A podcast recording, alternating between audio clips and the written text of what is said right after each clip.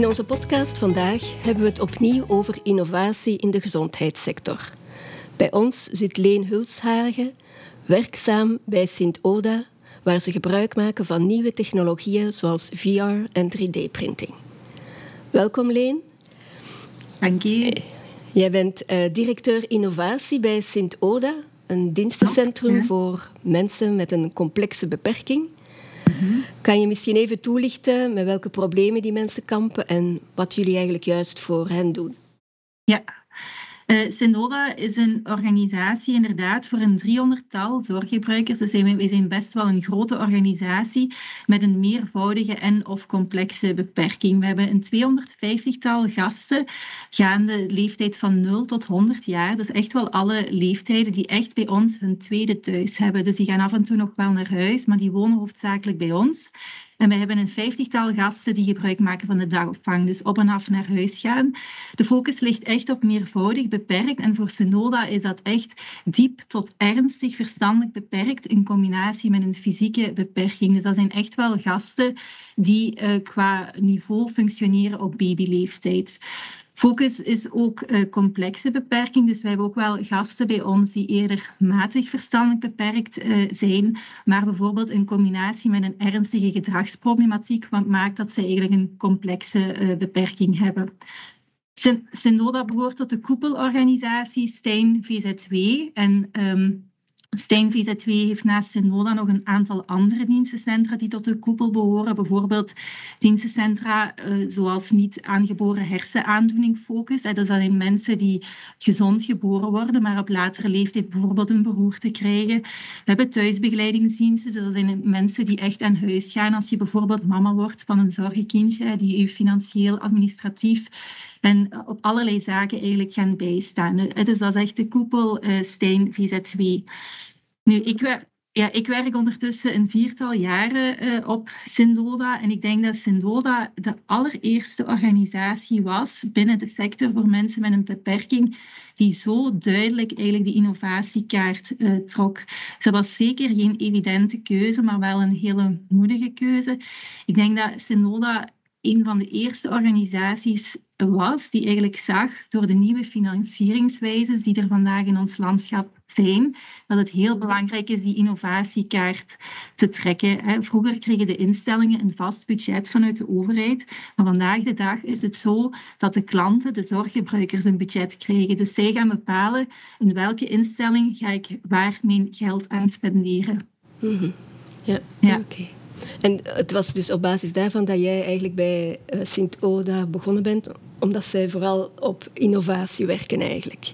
Ja, en ik ben zelf ook mama van een zorgenkindje, wat uh, maakt dat ik natuurlijk ja, extra gemotiveerd was om uh, eigenlijk die job aan te gaan. Ik, ben, ik heb al jaren in de innovatiewereld uh, gewerkt, maar toen ik zag dat er in de gehandicapte sector dan nog eens een directeur innovatie gezocht werd, dacht ik, daar wil ik absoluut op ingaan. Um, en ik zie het ook echt wel als een echte meerwaarde hier binnen Syndona, omdat ik alle projectideeën ook altijd langs twee kanten bekijk. Ik ga kijken, is het een meerwaarde voor Syndona? Maar uh, worden ouders er ook beter van? Worden zorggebruikers er ook gelukkiger van? Dus, ja, je hebt natuurlijk die betrokkenheid zelf eigenlijk, hè, van het eigen ervaring. En kan je inderdaad uh, op een empathische manier kijken van oké, wat, wat brengt dat eigenlijk op voor uh, onze, onze gasten. Hè? Ja. Inderdaad. Ja, heel, heel mooi eigenlijk. Um, ja, ik las eigenlijk onlangs over jullie project. Het was eigenlijk zo dat we met elkaar in contact kwamen, las ik over het project rond uh, 3D-geprinte bekers, waarbij jullie samengewerkt hebben met Sintra-studenten. Kan je misschien eventjes uitleggen hoe, hoe die samenwerking tot stand kwam, hoe dat project eigenlijk uh, begonnen is? We hebben een drietal jaren geleden zijn we ingestapt in een project eigenlijk van de Thomas More Hogeschool, waar de focus echt 3D-printing was. En Syndoda was partner binnen dat project, maar Sint-Gerardus ook. En Sint-Gerardus is een collega-dienstencentrum wat ook tot uh, Stijn VZW behoort. En het was eigenlijk Sint-Gerardus die het idee had om een beker voor mensen met een handicap 3D te laten printen. En het resultaat van dat project was onder andere ook een 3D-geprinte 3D-geprinte beker. Maar heel snel zeiden die experten van de Thomas More Hogeschool, dat is allemaal heel mooi, een 3D-geprinte beker, maar financieel gezien, als je dat in grote oplages wilt voorzien, is dat eigenlijk niet haalbaar. Enerzijds en anderzijds zeiden ze, 3D-printing qua voedselveiligheid heeft dat toch wel wat aandachtspunten. Dus Sendoda wou dat idee absoluut niet loslaten, dus we zijn verder gaan zoeken en we zijn terechtgekomen bij Dries van de Kruis van het Leuvense bedrijf Materialize. Materialize is echt gekend voor 3D-printing en het was Dries die eigenlijk ook uh, docent is van Sintra PXL voor studenten productdesign en 3D-printing. En wij hadden het geluk dat die studenten dat eh, projectidee geweldig vonden. Dus dat we heel veel groepjes studenten hadden die rond die beker wouden nadenken. En er was één groepje wat er met kop en schouders bovenuit stak. En die, wat hebben zij eigenlijk gedaan? Ze zijn vertrokken van bestaande bekers van de Colruyt en de IKEA, maar ze hebben een 3D-geprinte mal gemaakt voor die twee typen bekers. En die 3D-geprinte mal wordt in een Colruyt-beker en in een IKEA-beker geplaatst. Die mal zorgt ervoor dat we een beker gaan krijgen die perfect is als we die gaan verwarmen en uitsnijden. En op die manier hebben we nu 3D-geprinte mals hier in Synoda staan, die er eigenlijk voor zorgen dat we bestaande bekers kunnen aanpassen perfect voor mensen met een handicap. En dan voor een, voor een kleine, kleine prijs dan op die ja, manier. die prijs is veel, veel kleiner. Ja, ik denk een, een, de Colruyt beker kost 1 euro, denk ik, of nog minder. En natuurlijk moet je wel wat personeelstijd tellen. Maar we hebben hier een hele uitgebreide technische dienst die heel, handig, uh, heel handige mensen heeft. En wij kunnen ja, die bekers nu eigenlijk goedkoop uh, aanpassen. Aanpassen, ja. En wordt, wordt die dan enkel gebruikt bij jullie in Sint-Oda? Of hebben jullie al met andere instanties of organisaties contact of zo? Wel, uh, eigenlijk waren die bekers een beetje een try-out. Uh, ik als directeur innovatie was er heel erg benieuwd naar, want ik dacht, goh, uh, we hebben hier heel wat mensen met een beperking op Sint-Dode, maar er zijn zoveel mensen met een beperking in heel Vlaanderen. We gaan dat communiceren en uitdragen. Dus wij hebben voor de zomer een uitgebreide communicatie gedaan rond die bekers. We hebben hier ook een aantal bekers in stok staan. En we hebben eigenlijk gezien dat er heel veel reactie op gekomen is. En wat mij als directeur innovatie vooral heel erg interesseerde, is dat er sectoroverschrijdend ook wel wat interesse was. We zagen dat ziekenhuizen daarop reageerden, ook de ouderenzorg. Dat is natuurlijk enorm boeiend uh, om te zien. Maar in de realiteit zien we dat er nu vandaag de dag al heel wat aanvragen zijn gekomen vanuit scholen voor kinderen met een beperking, maar ook andere instellingen voor mensen met een beperking die dat eerder in kleinere oplagen nu aankopen om dat eens te testen, om dat dan later in grotere aantallen te kunnen kopen als die bekers goed meevallen. Ja. En zijn jullie in staat om, om daarvoor te zorgen, om, om, om die aantallen te bezorgen dan aan, de, aan die scholen en zo? Dus uh, ja, met jullie technische dienst? Ja, we hebben hier een, een honderdtal uh, bekers hadden we in voorraad. En we hebben gezegd, we gaan uh, twee à drie keren per jaar een oproep doen dat we een, een, een stok voorradig hebben om dan uh, nieuwe bekers te kunnen verspreiden. Zo houden we het ook behapbaar en moet onze technische dienst ook niet de hele tijd bezig zijn, verspreid over het hele jaar, met bekers eigenlijk te vervaardigen. Ja. ja. En ik las ook dat er twee soorten bekers waren. Ja, de neusuitsparing en zo. Ja, dus we hebben een kinderbeker en een volwassen beker. En beide bekers hebben een neusuitsparing en een tulprand. Dus heel eenvoudig uitgelegd, mensen met een beperking die hebben heel vaak een slappe onderlip. En je ziet dat, dat mensen met een beperking vaak heel veel speeksel uh, verliezen. En zij hebben ook vaak problemen met slikken. Daarom dat we het eten vaak moeten mixen als we hen eten willen geven. Door als je die bovenrand van die beker nu gaat krullen en er eigenlijk een tulprand aanmaakt, kan die onderlip beter aansluiten aan die beker. En wordt de slikreflex ook in gang gebracht, waardoor ze zich minder gaan verslikken en veiliger kunnen drinken. En die neusuitsparing, dat is eigenlijk een stukje wat uit de beker gesneden wordt. Dat is heel eenvoudig gezegd, dat eigenlijk de neus niet meer in de weg zit als je drinkt. Als wij drinken en de laatste druppel uit een beker willen halen, moeten wij ons hoofd, wij doen dat intuïtief, we doen ons hoofd naar achter om die laatste druppel eruit te krijgen. Een persoon met een beperking kan dat vaak niet doen of kan dat niet veilig doen. Doordat je die neusuitsparing maakt, zit de neus niet meer in de weg en moet je je hoofd niet meer achterover buigen. Ah ja, oké. Okay. Dus dan ja. is dat inderdaad uh, heel, heel praktisch op, op die ja. manier. Ja. heel okay. boeiend als je het zo analyseert. Ja, ja inderdaad. En hebben jullie daar dan ook wat aandacht uh, voor gekregen in de pers uh, van, van zijn... rond die bekers? Wel, wij hebben zelf wel wat communicatie gedaan en Sintrabeek zelf heeft een persbericht verspreid ook. Ja. Dus dat is iets dat jullie gaan blijven doen, zoals je zei. Dus de technische dienst gaat dan op regelmatige ja, basis zo een, een aantal van die bekers. per jaar. Ja, ja. oké. Okay. Ja. Oké, heel, heel tof eigenlijk uh, om, om zo'n mooi initiatief dan toch breed, uh, breed te laten uitwaaieren eigenlijk. Klopt, ja, klopt. Heel, heel leuk, ja. Uh, wel, er zijn, er zijn nog een heel deel andere projecten. Je had me zo'n hele lijst doorgestuurd. Ik, mijn oog viel eigenlijk op Visus.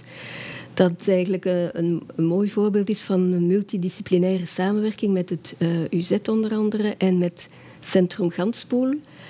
Misschien dat je ook eventjes daar kan, kan toelichten. Centrum Ganspoel is misschien niet voor iedereen bekend die aan het luisteren is, dus misschien daar ook eventjes uh, bij stilstaan.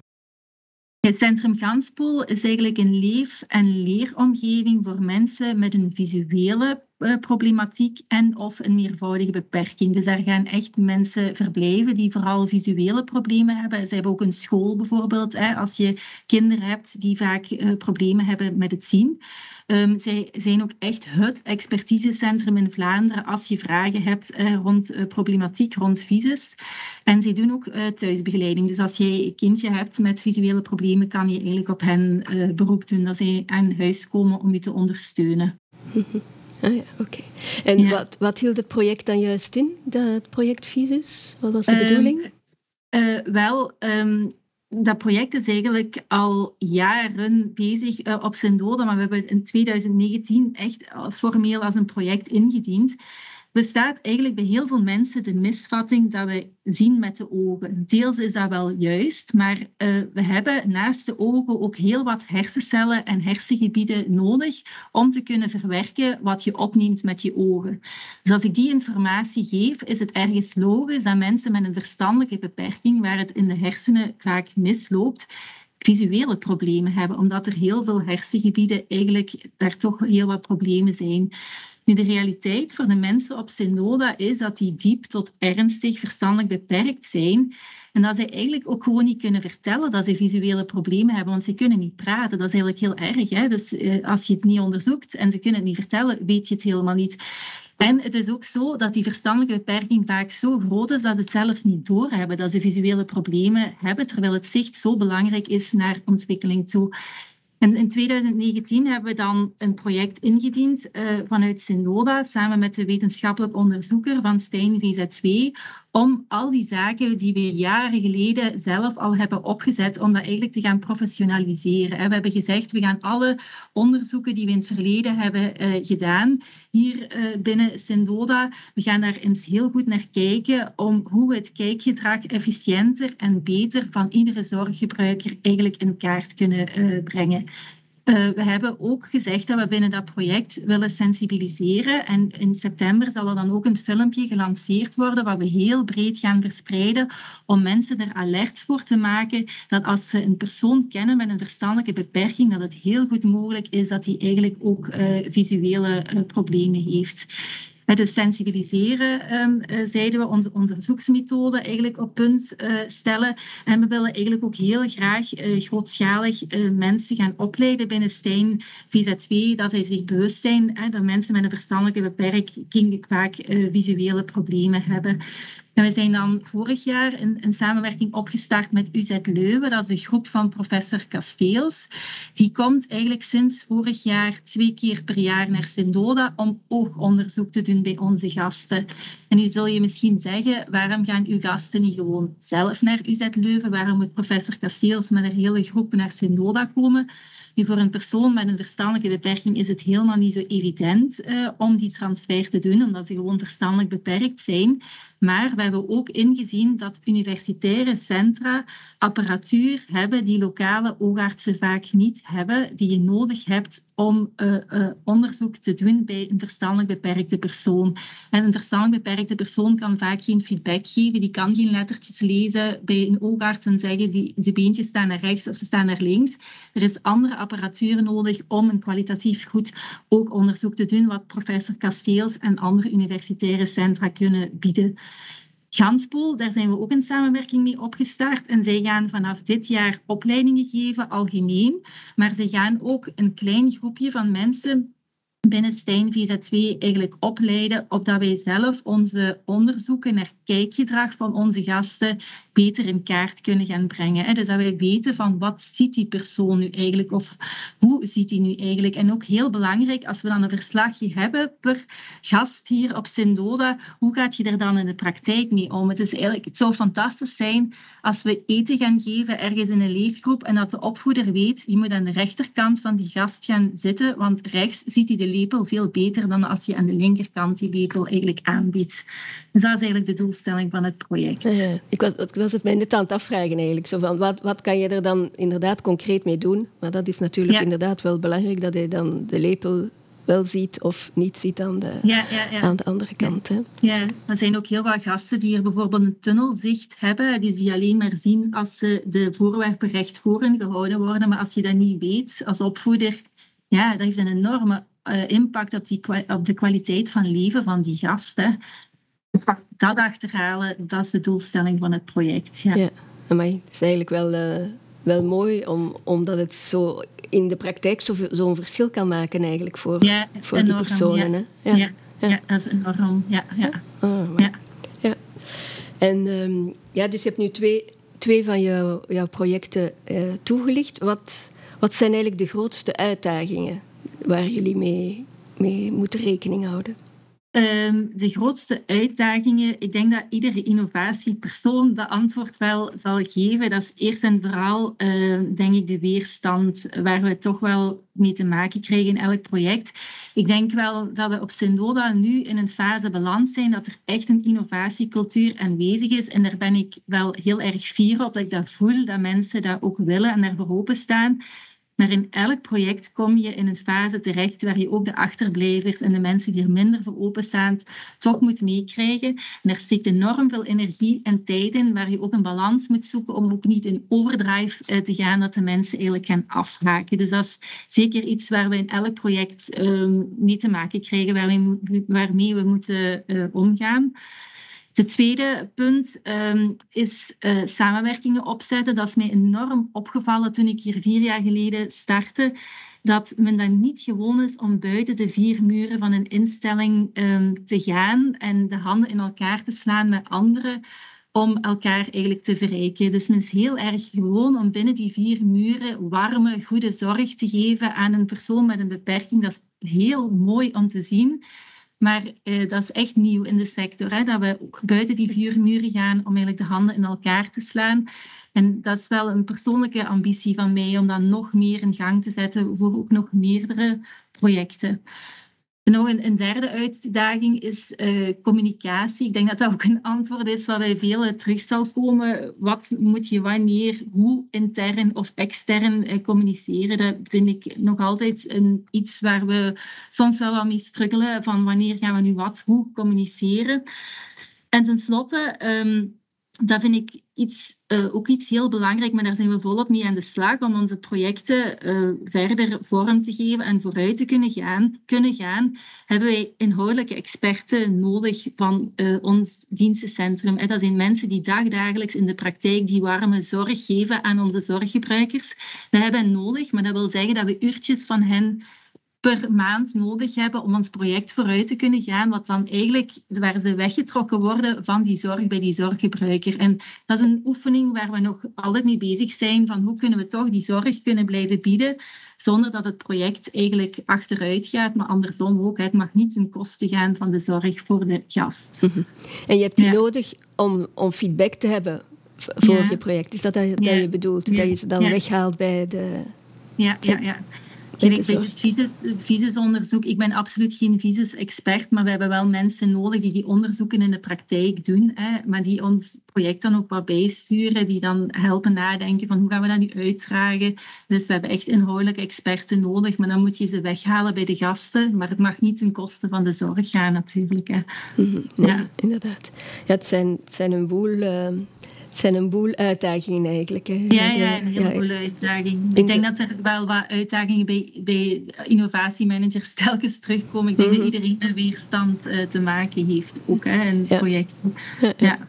ja. en vooral ook de samenwerking. Allee, als je de twee projecten die je, die je getoond hebt of uitgelegd hebt, ja, dat is het is eigenlijk zo mooi dat het zou zonde zijn als het binnen jullie vier muren zou, zou blijven, terwijl er zoveel mensen eigenlijk baat baat kunnen bij hebben. En dus ik denk dat we, en dat het eigenlijk ook een beetje algemeen is in de gezondheidssector, bijvoorbeeld ook uh, de apotheeksector, dus dat meer, meer moeten gaan samenwerken. Collega's onder elkaar, apothekers onder elkaar, maar ook met, met, met dokters enzovoort. En ik denk dat door de COVID is dat al een ietsje meer geworden, maar het, is, het, is, het, wordt vaak nog, uh, of het is vaak nog zo'n beetje met uh, koudwatervrees van oei, ja, ja, ja, we moeten samenwerken met anderen, maar iedereen blijft zo'n beetje in zijn eigen, binnen zijn eigen comfort, comfortzone. Ik, dat, hoop ik echt dat als we naar de verre toekomst kijken, dat ieder dienstencentrum binnen de sector voor mensen met een beperking zijn eigen expertise heeft en dat we gewoon gaan tanken bij elkaar voor wie in wat goed is en dat we niet allemaal zelf opnieuw het warme water moeten uitvinden, maar dat je gewoon gaat tanken bij iemand anders en dat die daar ook voor vergoed wordt. Maar dat andersom een ander dienstencentrum ook bij ons kan komen tanken. En ik denk dat dat het enige model gaat zijn wat betaalbaar gaat blijven in de toekomst en dat we zo ook de beste zorg kunnen geven aan mensen met een handicap. Ja, maar misschien... Ja, ja, ja, ja, ik denk het ook. Als je die, al die expertise die er is, kan delen moet je inderdaad niet elke keer van, van scratch beginnen om, uh, om iets nieuws op te zetten. Zeker in innovatie. Er is zoveel dat aan de gang is en dat evolueert allemaal zo snel. Dus als je kan inpikken op werk dat al gedaan is en eventueel van daaruit vertrekken en dat dan verbeteren enzovoort en dan terugkoppelen, dan denk ik inderdaad dat ja, dat het een, een meerwaarde kan zijn voor, uh, voor iedereen die erbij betrokken is. Ja, hè? Ja. ja. Ik hoop dat dat echt een evolutie is die er kan doorkomen, langzaamaan. Maar... Ja, oké, daar blijven uw schouders uh, onder zitten. Hè? Ja. Uh, ja, misschien nog eventjes om af te ronden, want je hebt nu twee projecten besproken. Vinden we er andere projecten terug op, op jullie website? Want dan kan ik die wel vermelden bij de, bij de podcast. Uh, we hebben een, de website is www.sintoda.be. Er wordt heel wat gepost onder het item nieuws. Uh, onze communicatiemedewerker uh, is nog volop de website nog eens aan het herbekijken, maar we hebben ook een item zorgaanbod en daaronder heb je innovatie en projecten staan. Maar daar worden voortdurend, zeker in de verdere toekomst, nieuwe projecten um, opgezet. Ja, ja, dat is goed. Dus luisteraars ja. die nog wat meer willen willen weten, kunnen dan gerust, uh, gerust daar terecht. Oké, bedankt in ieder geval al voor je enthousiaste uitleg. Ik wens je nog veel succes verder met uh, innovatieve ja. projecten. Dank je wel. Bedankt in elk geval. Ja. Tot ziens.